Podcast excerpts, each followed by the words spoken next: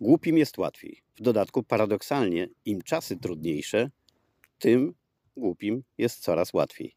Wiem, brzmi kontrowersyjnie lub dziwnie, ale w tym podcaście udowodnię tę tezę. Kiedyś nagrałem odcinek pod tytułem Głupich jest więcej. Odsyłam e, do niego. Był nagrany jakiś czas temu, chyba z dwa lata temu. Zamieszczę link w opisie odcinka. E, wtedy trochę osób było oburzonych, że nie wolno tak wprost y, stygmatyzować ludzi, ale to jest tylko określenie faktów. Głupich jest więcej, jest ich coraz więcej. A niesprawiedliwością dziejową jest to, że im czasy trudniejsze, tym im jest łatwiej, a mądrzy stają się e, niszą e, e, maruderów, którzy opowiadają prognozy oparte na analizie danych i na wiedzy, jakich głupi nie chcą w ogóle dopuszczać do siebie i dzięki tym, temu żyje im się łatwiej. Zobaczcie, jak nieskomplikowane życie mają na przykład wierni i najbardziej tępi oglądacze propagandy TV PiS. Przecież zgodnie z nią żyjemy w najsilniejszym kraju w Europie, najbogatszym, z bardzo silną armią, z zapasami węgla na 200 lat. Notabene bardzo podobał mi się mem z Morawieckim, który mówi do Kaczyńskiego, ale ja mówiłem, że węgla starczy na 200 lat, a nie na 200 zim.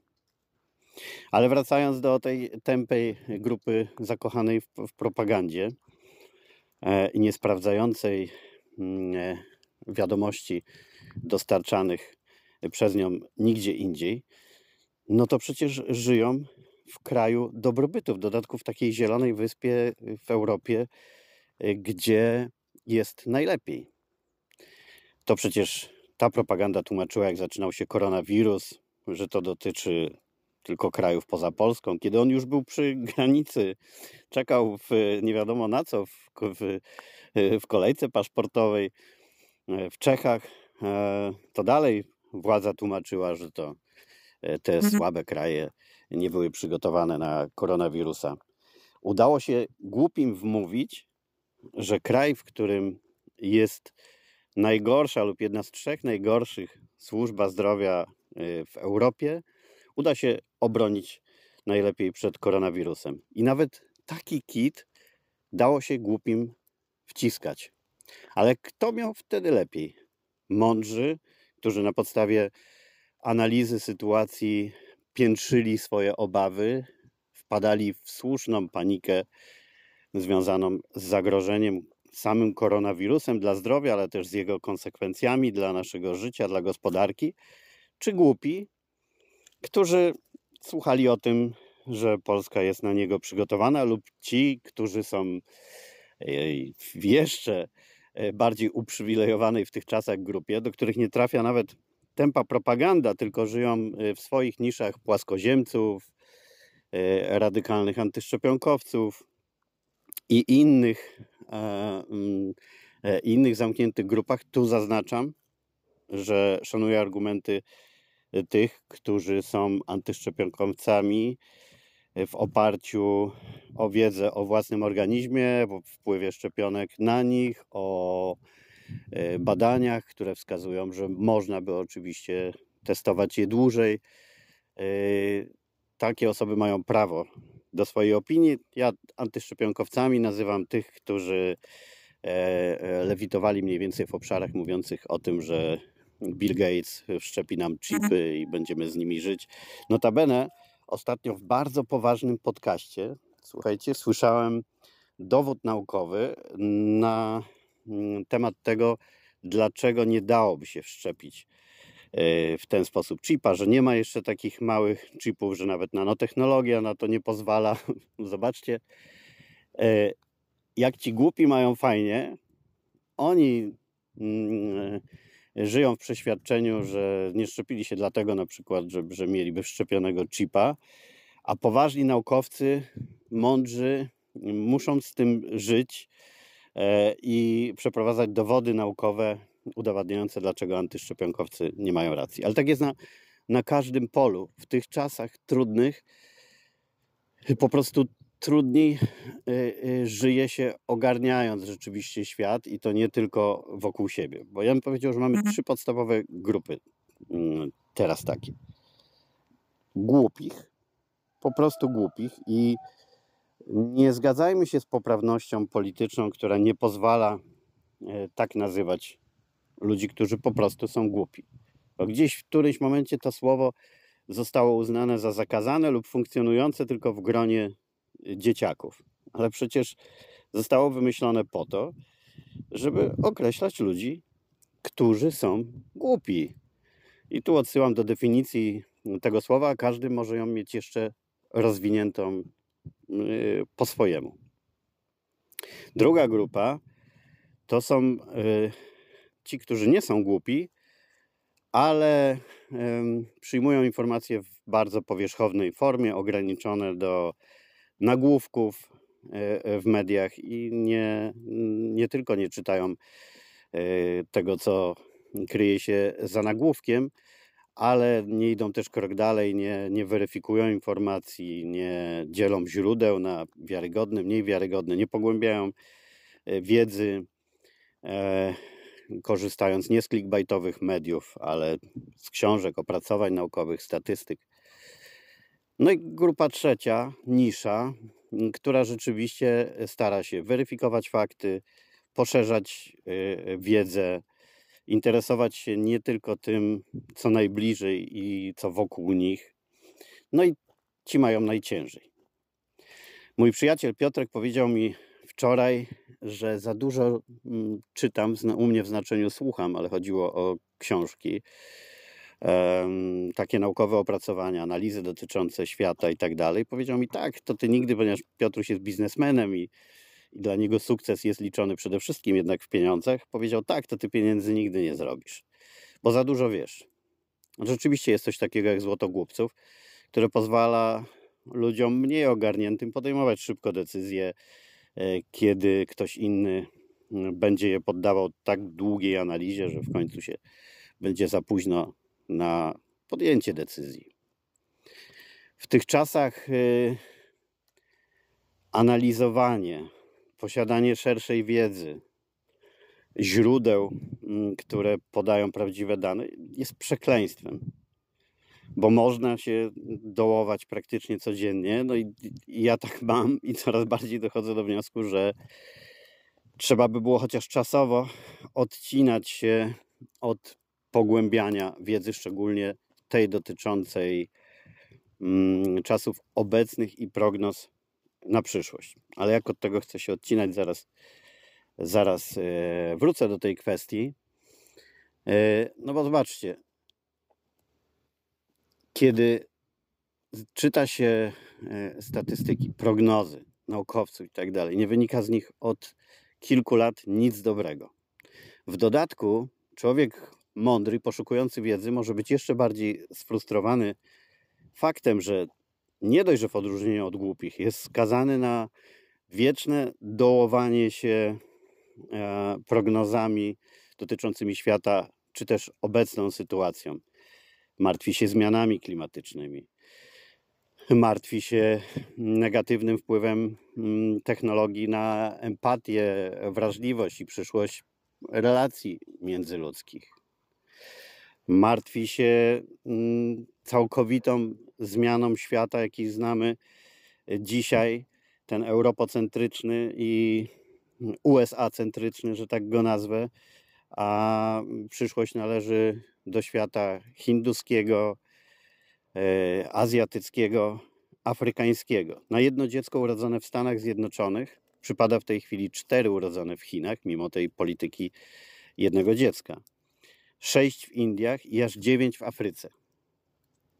A w dodatku tam, y, w Afryce Śródsaharyjskiej y, szczególnie, bardzo rośnie długość życia, z czego się należy tylko cieszyć, ale oznacza to, że społeczeństwo Mhm. europejskie starzeje się i wymiera, a w kontrze do niego y, społeczeństwo Afryki, na przykład śródsaharyjskiej, nie dość, że na potęgę rodzi się tam dzieci 9 razy więcej niż w Stanach Zjednoczonych, to w dodatku wydłuża się średnia życia i można sobie wyobrazić, jak duże zmiany czekają świat, a koronawirus, wojna, kryzys to wszystko jeszcze przyspiesza. Ale powód do frustracji niezaliczania się do grupy najgłupszych jest jeszcze jeden.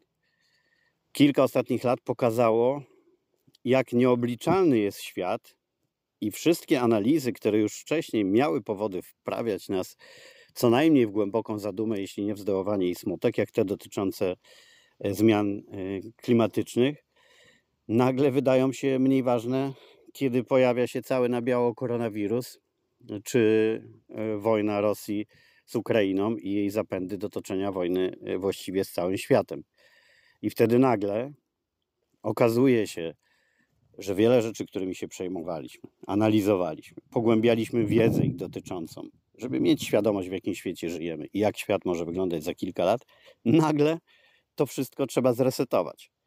Ja sam złapałem się na tym, że staram się słuchać e, książek, które w tej chwili mam taką cezurę czasową, które powstały, gdy był już koronawirus. I to nie tylko jeżeli chodzi o książki naukowe, czy jakieś mm, opracowania filozoficzne, ale nawet powieści. Bo mam wrażenie, słuchając czegokolwiek, co powstało przed koronawirusem, że opowiada nam o jakimś świecie odległym, nieprzystającym do tego, co dzieje się teraz. Więc niełatwe to są czasy yy, dla mądrych, bo nie dość, że yy, trzeba się dołować wyciąganymi na bieżąco wnioskami, to trzeba mieć też z tyłu głowy świadomość, że jakiekolwiek prognozy, czy te poprawiające nam nastrój, czy dołujące, jeśli chodzi o bliższą czy dalszą przyszłość naszą i świata, mogą w każdej chwili okazać się nieaktualne przez wydarzenia, które zmieniają y, ekonomię, technologię, układ sił, całą geopolitykę. Takich czasach żyjemy. Nie można przewidzieć praktycznie niczego i mhm. można tylko się starać żyć tak, aby przystosowywać się do mm, no, życia w świecie, w którym trzeba mieć umiejętność szybkich zmian, dostosowywania się do okoliczności, miejsc, nowych wyzwań zawodowych bardzo szybko. A co zrobić, żeby nie dołować się w, w odróżnieniu od głupich, którzy żyją w krainie e, wiecznej szczęśliwości, łamane przez nieświadomości? Nie wiem. Odpowiadam Wam na to, ale poszukuję odpowiedzi dla siebie, bo to każdy musi znaleźć indywidualnie. I myślę na tę chwilę, że dla mnie jakimś wyjściem z sytuacji jest, czyli troszkę mój przyjaciel Piotruś miał rację, żebym mniej czytał.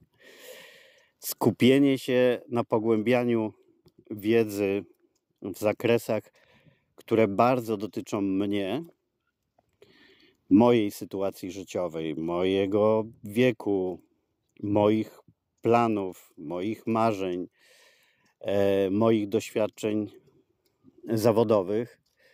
No a resztę kwestii i świata zostawić tym, którzy zajmują się nimi chociażby z naukowego czy politycznego punktu widzenia, no bo ilość informacji, które trzeba przyswoić i przetworzenie ich przez empatię, świadomość i tak dalej jest tak przytłaczająca, przynajmniej dla mnie, że rzeczywiście do tego nie udźwignę, szczególnie w połączeniu ze świadomością, że jakiekolwiek wnioski bym nie wyciągał, jakkolwiek bym się nie przygotowywał na nowe, to może przyjść całkowicie nowe, które zburzy wszystko, co sobie tam w głowie e, układałem. Więc ja spróbuję skupiać się teraz na tych kwestiach, które rzeczywiście dotyczą mnie. Już taką próbę podejmowałem przy detoksie informacyjnym kiedyś czyli skupiałem się na informacjach, to tak się mm, zaczęło przy koronawirusie, żeby nie zwariować, yy, szczególnie w zalewie fake newsów, to przyjąłem założenie, że interesuję się ze względu na rodzinę sytuacją w Opolu i czerpię wiedzę od najbliższych o tym, jak jest naprawdę. Było mi łatwiej o tyle, że mam szwagierkę, która ma aptekę w szpitalu wojewódzkim, więc naprawdę na bieżąco byłem z prawdziwymi informacjami. Skupiam się na tym, co się dzieje w Esteponii, na Costa del Sol czy w mojej ukochanej Portugalii, y, tam gdzie żyję. I ponieważ wirus pochodził z Chin, analizowałem też to, jak one walczą z nim, co tam się dzieje, traktując to jako taki punkt odniesienia y, dla całego świata, ale opierałem to na świetnej vlogerce Weronice Truszczyńskiej, która z Szanghaju cały czas opowiadała, jak jest naprawdę i robi to do dzisiaj. Polecam Wam bardzo, już ją polecałem kilka razy w moich podcastach. Tak jak i e, jej podcast, który nagrywa z dwojgiem przyjaciół, Mao powiedziane, w odniesieniu do Mao Cetunga, bardzo fajne, w którym naprawdę można się dowiedzieć o Chinach takimi, jakimi e, są. I ogólnie rzecz biorąc, obraz, który się maluje, e, jest taki nomen omen, że nie taki diabeł straszny, jak go malują. Światowe media robią wszystko, żeby pokazywać Chiny z jak najgorszej strony, a dla mieszkających tam wcale to tak źle nie wygląda. E, bardziej przerażające są perspektywy, ale to temat na osobny wątek. No i tak ja będę próbował e, funkcjonować, żeby nie popadać we frustrację, uwaga, ironia, tym, jak to lepiej się żyje mm, głupszym e, i żeby nie spalać się mm, taką ilością informacji e, i analiz, które w tych czasach przynoszą więcej złego niż dobrego. No bo ja sobie przypominam początek koronawirusa, kiedy w odróżnieniu od większości moich znajomych, prognozowałem, że zostaniemy z nim na co najmniej kilka lat, a nawyki, mm, style pracy, e, kwestie wolności zmieni no, na zawsze w dużym cudzysłowie, bo nie ma czegoś takiego jak na zawsze, ale na długie, długie lata. No i tak się stało, ale czy to, że miałem rację, przynosi mi satysfakcję? Nie. Dołuje mnie e, i wywołuje obawy, kiedy mam kolejne swoje prognozy, e, teraz związane z sytuacją ekonomiczną, z kryzysem na świecie, z wojną w Ukrainie, to boję się je wypowiadać w myślach nawet, a już na pewno nie głośno e, i przekazywać je dalej, no bo przecież chciałbym, żeby się nie spełniły. I to jest taka pułapka, w którą się wpada, mając za dużo danych, e, że jeśli wyciągnie się wnioski poparte czymś racjonalnym, no to nie wynika z tego nic dobrego, bo zdołowanie natychmiast pojawia się wnioskami z tej analizy. No a w dodatku, w odróżnieniu od rzeczy, które się zapowiada z optymistycznymi scenariuszami, nie ma tej satysfakcji, mhm. kiedy ma się racja. Przecież większość ludzi chce mieć rację, ja też do nich należę, ale nie w tym przypadku. Od kilku lat jest tak, że nie chcę mieć racji, boję się E, tych racji i to jest e, ciężka e, sytuacja. Słuchałem książki takiego filozofa francuskiego, który napisał świetne prognozy na rok 2030. O tym, jak jego zdaniem świat będzie wyglądał wtedy pod każdym możliwym względem i aspektem życia. Oczywiście e, chciałbym, żeby nie miał racji w bardzo wielu wnioskach i prognozach, które wysnuwał. W tym kontekście przeraził mnie koniec jego książki, Posłowie, w którym on napisał, że kiedy ją kończy, na świecie pojawił się właśnie koronawirus. To był marzec 2020 roku, kiedy kończył książkę. I on wysnuł swoje prognozy, co koronawirus spowoduje na świecie, jednocześnie określając, że wszystkie prognozy, które wymienił y, w tej książce wcześniej, on nie tylko ich nie zatrzyma, ale przyspieszy i y, udowodnił dlaczego.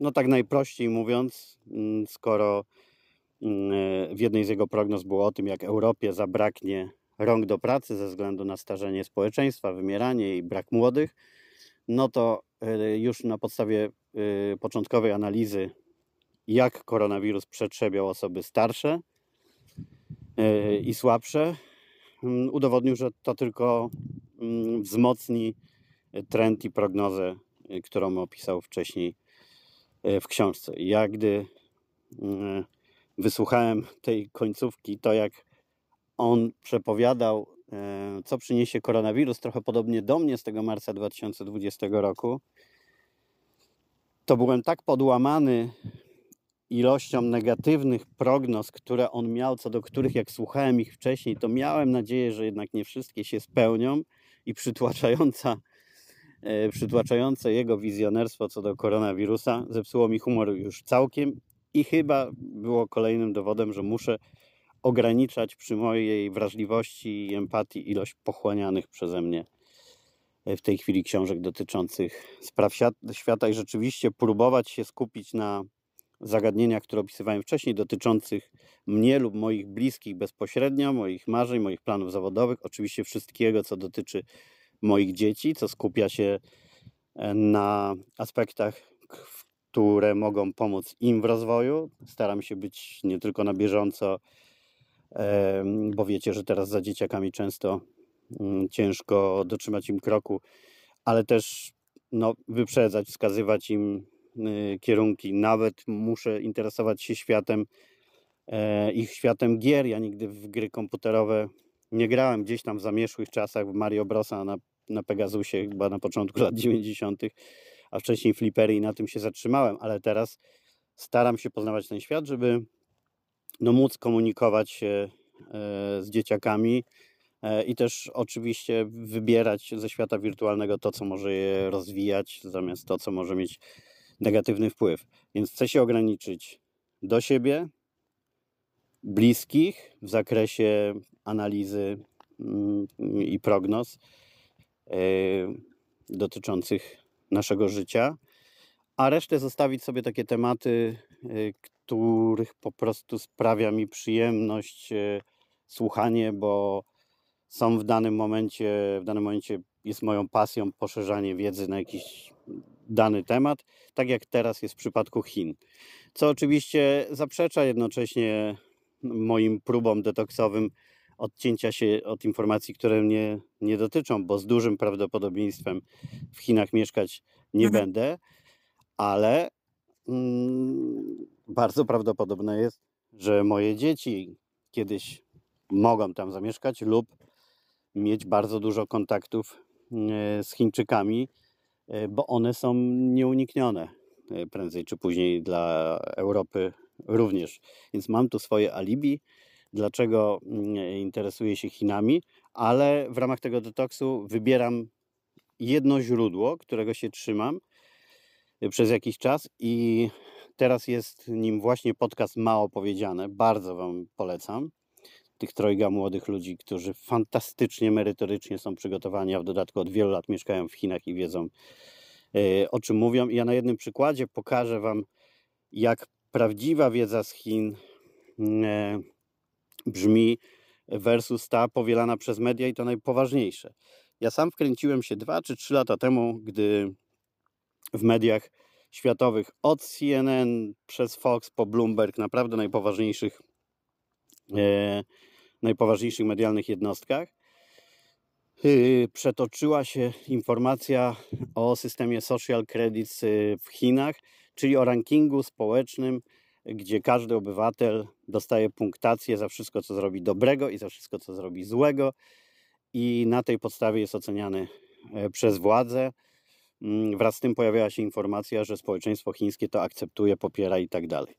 No, okazało się to wirutną bzdurą, w której jest tylko część prawdy, ale to dotycząca prognozy przyszłości, że rzeczywiście taki system w przyszłości może w Chinach i nie tylko służyć do oceny całego społeczeństwa, ale teraz jest system w Chinach, który służy przede wszystkim do oceny przedsiębiorców, e, biznesmenów i na tym poziomie firmowym.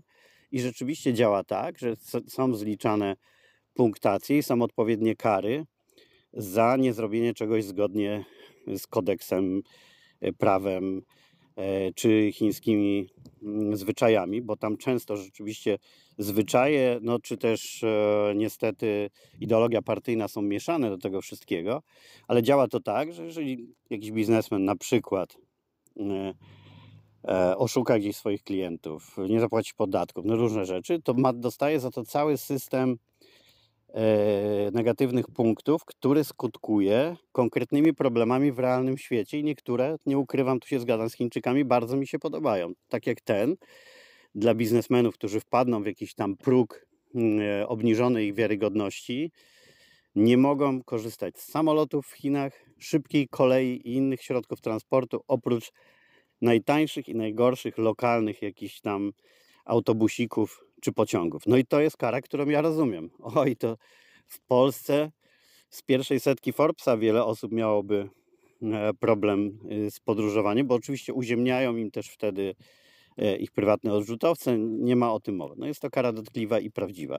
I ten system rzeczywiście buduje wiarygodność lub w większości przypadków niewiarygodność e, e, biznesmenów e, i firm, która nie dość, że jest transparentna, no to związana z wieloma karami, które bardzo utrudniają im lub uniemożliwiają oszukiwanie um, kolejnych osób. No to w, w innych systemach amerykańskim, europejskim e, ktoś może skutecznie zbankrutować z 30 firm po drodze E, zostawiając mm, swoich klientów czy pracowników z wielkimi stratami, jest to uznawane, jeżeli robione było zgodnie z prawem, za normalną praktykę biznesową i każdy ma szansę założyć znowu firmę i próbować kolejny raz, nawet jeżeli po drodze do tego bankructwa doprowadziło też trochę czynności Y, które jednak gdzieś tam niezgodne były z prawem. No to w Chinach to nie przejdzie i to mi się akurat podoba.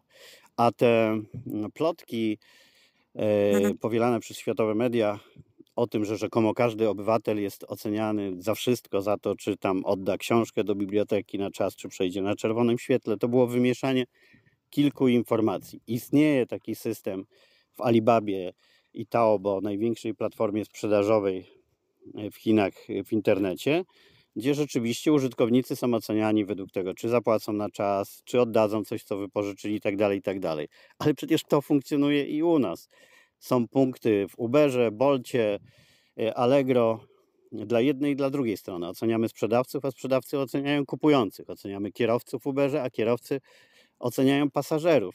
Więc my to mamy, tylko łatwiej jest nam nie nazywać tego po imieniu i szukać w systemach takich parademokratycznych jak e, w Chinach, e, czarnych stron takiego social credits. Nie uciekniemy od tego i oczywiście obawiam się, że w przyszłości rzeczywiście e, świat ugrzęźnie w takiej mm, ocenie ludzi. No i z jednej strony mm, to dobrze, bo ludzie źli, mówiąc krótko, będą mieli przerąbane, ale z drugiej inwigilacja oraz wskazania dla algorytmu, który tę punktację ma oceniać, mogą być straszne, bo mogą być wykorzystywane politycznie, bo dzisiaj algorytm źle oceni przejście na czerwonym świetle i odejmie za to punkty, a jutro za skrytykowanie partii rządzącej. E, niestety. No i tu znowu wpadamy w pułapkę, y, która głupich nie dotyczy, żyjących w krainie wiecznej e, szczęśliwości że przy tej ilości danych, które, do których mamy teraz yy, dostęp, one są naszym przekleństwem. Nie tylko ze względu na, na to, że przyswajamy tysiąc, tysiące razy więcej wiadomości, wiedzy niż kiedyś i nasz mózg daje z tym radę, ale z psychiką yy, gorzej. Yy, to w dodatku mm, czasy są tak nieprzewidywalne, że nie ma pewnych wniosków, które można e, na ich podstawie e, wysnuć. No oprócz słynnego amerykańskiego zawołania, że pewna jest tylko śmierć i podatki. E, I tu fajna konstatacja. Oglądałem, żeby lżej coś na koniec. Polecam bardzo serial dokumentalny Hustle o przekrętach na HBO Max. No, bohaterowie i bohaterki tego serialu w Chinach nie pokazaczyliby. Bardzo szybko okazałoby się, że pewnie nawet roweru nie mogliby miejskiego wypożyczyć.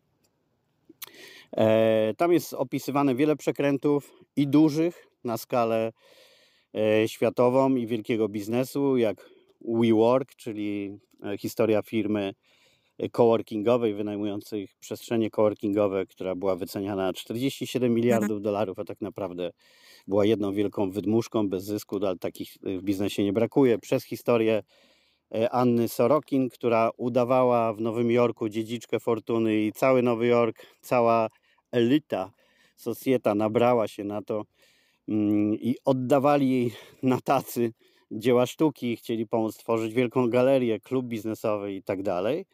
Po historię drobnych cwaniaczków i przekrętasów, o jednym z nich będę chciał mm, e, opowiedzieć, zabawną, zabawną historię, na zachętę dla Was też do tego serialu. Ale oczywiście wniosek jeden, wszystko te przekręty napędzała chciwość pieniędzy lub lansu i sławy ludzi, którzy e, dawali się przekręcać i trudno ich żałować. Właściwie ciężko było znaleźć przypadek, żeby oszukanymi przy tych akurat przekrętach y, były osoby, e, no, y, które same się pod to nie podkładały. Najczęściej było to tak, że ktoś liczył, że dostaje zlecenie zawodowe zdecydowanie ponad miarę jego możliwości i doświadczenia, albo że zarobi wielokrotnie większe pieniądze niż podpowiadałaby ekonomia, rozsądek czy zwykła tabliczka mnożenia e, i tak dalej. Ale tam był opisywany też raper, e, pokazywany, który e, zrobił furorę na rapowaniu o przekrętach, które robił różnych instagramowych i innych w swoich kawałkach. No i jego widzowie E, cały czas martwili się, że kiedyś zamknie go w końcu za to policja. Ale on odpowiadał, że w ogóle się policji nie boi, aż do czasu, gdy grał koncert i w trakcie weszli przedstawiciele tej służby więziennej US Marshals e, i aresztowali go na oczach widzów. Internet oszalał, były hasztagi, żeby uwolnić tego rapera. Jego wartość rynkowa wzrosła oczywiście, jak to zawsze w takim przypadku bardzo, bo rozpoznawalność, bo drama w internecie Wytwórnia płytowa, o której marzył Atlantic Records, w końcu zainteresowała się, by podpisać z nim kontrakt. I przyjechał, aby ten kontrakt podpisać, i na spotkaniu przyznał wytwórni, że nikt go nie aresztował. To byli wynajęci statyści i jego kolejny przekręt dla popularności tym razem. I wytwórnia, słysząc to, nie zwiększyła czujności, by nie stać też się przedmiotem jakiegoś przekrętu, podpisała z nim kontrakt, dając mu 10 milionów dolarów. I on na końcu odcinka z uśmiechem do kamery oświadcza, że przekręcił również wytwórnię, ponieważ podpisał się pod kontraktem nie swoim nazwiskiem.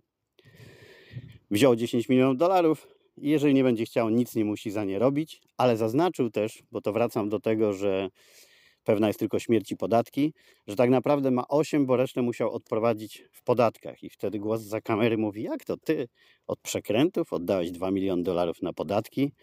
On mówi, oj tak, nie chciałbym mieć zatargu z urzędem skarbowym. Czyli rzeczywiście są e, te instytucje, które nie potrzebują e, żadnego social credit, żadnych systemów oceny społecznej, by, by nas rozjechać i ich się e, wciąż boimy tych tradycyjnych, a te nowe przed nami. No to tyle. Trochę się martwię tak na końcu, że, że to nie były jakieś super przemyślenia dla Was optymistyczne. Ach, to jeszcze coś dodam do tego, żebyście byli na bieżąco, bo wiem i bardzo to szanuję i zazdroszczę, że wśród słuchaczek moich i słuchaczy jest wiele takich osób, które nie używają mediów społecznościowych. Bardzo Wam tego zazdroszczę naprawdę bardzo. I mogą nie być na bieżąco mm, z, z tym, co tam donosiłem. E, tych, którzy używają, zapraszam nieustająco. Radek Kobiałko nadaje Facebook i Instagram. E, a dla reszty e, przytoczę historię, która mm, nawiązuje do tematu naszego podcastu luźno. Poinformowałem Mm, kilka dni temu o swoim nowym przedsięwzięciu, e, projekcie, e, który jest szykowany w gronie bardzo fajnych, kreatywnych osób e, na cały świat. We wrześniu będzie jego premiera. Jak to w tym świecie nowych technologii? Mm, bardzo szybko się okaże, czy wielki sukces, czy porażka. Ten pierwszy, na ten pierwszy zrobiliśmy wszystko, co możemy. Jeśli chodzi o porażkę, nie mamy wpływu na wszystkie aspekty, bo to jest bardzo uzależnione od sytuacji ekonomicznej na świecie wtedy, yy, rynkach finansowych, no i szczególnie od tego, co się będzie działo w temacie blockchainu i kryptowalut. Wyprodukowaliśmy, a właściwie produkujemy jeszcze samochody, ale wirtualne samochody do gier, które gracze będą kupować w postaci NFT i będą posiadać sobie taki wirtualny samochód. E, będzie 8888, to podobno szczęśliwa liczba tych samochodów. E, I gracz, który kupi, będzie mógł nim jeździć. Tak, jeździć nie tylko w grze, która powstanie też zrealizowana przez nasze firmy, ale również we wszystkich innych otwartych w wirtualnym świecie metaversach i grach, gdzie można wykorzystywać elementy z innego ekosystemu. Czyli grając w jakąś grę, gdzie jeździ się samochodem, żeby można było zamienić samochód z tej gry na widok swojego samochodu, który się kupiło u nas, ma się do niego prawa i tak dalej. Temat skomplikowany, ale nie dla graczy. E, ja postanowiłem się zabawić i sprawdzić, jak się ma ta druga grupa, którą określiłem tutaj pomiędzy głupimi a mądrymi, dla których ta mądrość i poszukiwanie wiedzy wiecznej jest przekleństwem, czyli ludzi ogarniętych, mądrych, inteligentnych, ale przez natłok informacji prześlizgujących się po nagłówkach głównie. I napisałem post oraz informację na WhatsAppie dla tych, którzy nie mają mediów społecznościowych, zaczynającą się od słów, że zostałem producentem samochodów i to producentem samochodów na cały świat. I już tam w trzecim czy czwartym zdaniu wyjaśniałem o co chodzi, tak jak Wam przed chwilą, ale ilość ludzi wśród moich znajomych, bliższych i dalszych, która przeczytała tylko te dwa pierwsze zdania, to był mój test, jest przerażająca. Ile ja dostałem informacji, a potem zwrotnych plotek. Zadzwonił do mnie kolega jeden, że na wspólnej imprezie tematem przewodnim wieczoru było, że Radek Kobiałko został producentem samochodów i co on w ogóle wymyślił i tak dalej. Yy, no tak to teraz funkcjonuje i można wykorzystywać to sprytnie dla siebie, yy, wiedząc, że przeczytany zostanie tylko nagłówek, a pod nim wyjaśniać wiele rzeczy, które, które wyjaśnionymi być powinny. No ale jeżeli liczy się, że ktoś przeczyta coś dłuższego, jest to dla nas e, ważne, to można być sfrustrowanym i w takim przypadku chyba od razu w pierwszym zdaniu trzeba powiedzieć o co chodzi, albo apelować, przeczytajcie koniecznie, mm, e, e, bo ważne wyjaśnienie jest w środku, choć nie skutkuje to w większości przypadków też e, przeczytaniem. Ja mam analizy Facebooka i YouTube'a, statystyk i widzę na przykład, ile osób dany filmik, który ma być bazą do wyrobienia sobie zdania, do wypowiedzi, ogląda rzeczywiście, komentując go, a ile ogląda tylko pierwsze kilka sekund i całkowita nisza ogląda coś w całości. A wypowiadają się najczęściej ci, którzy oczywiście e, nie oglądali. Tak to funkcjonuje. Pozostawiam Was e, z tą, przepraszam, e, lekko frustrującą konstatacją że nie dość, że głupich jest więcej, to głupim jest teraz lepiej, ale oczywiście wiem, że rozumiecie ironię i przewrotność tego przekazu i mimo wszystko świadomość, ogarnięcie i wiedza w sumie to wszystko pozwala nam żyć lepiej, jeśli nauczymy się odcinać od e, tego zestawu informacji i wiedzy, które nas jakoś specjalnie dołuje. Więc dla tych, którzy dotrwali do końca podcastu, hasło głupich jest więcej, głupim jest łatwiej, ale mądrym jest żyć piękniej. Jak ktoś dosłuchał z Was do tego miejsca, to proszę o przesłanie mi wiadomości prywatnej, jak zwykle hasła mądrym. Życie jest piękniej i z tym, z tą myślą Was zostawiam, życząc dobrego dnia kiedykolwiek i gdziekolwiek mnie słuchaliście. Do usłyszenia.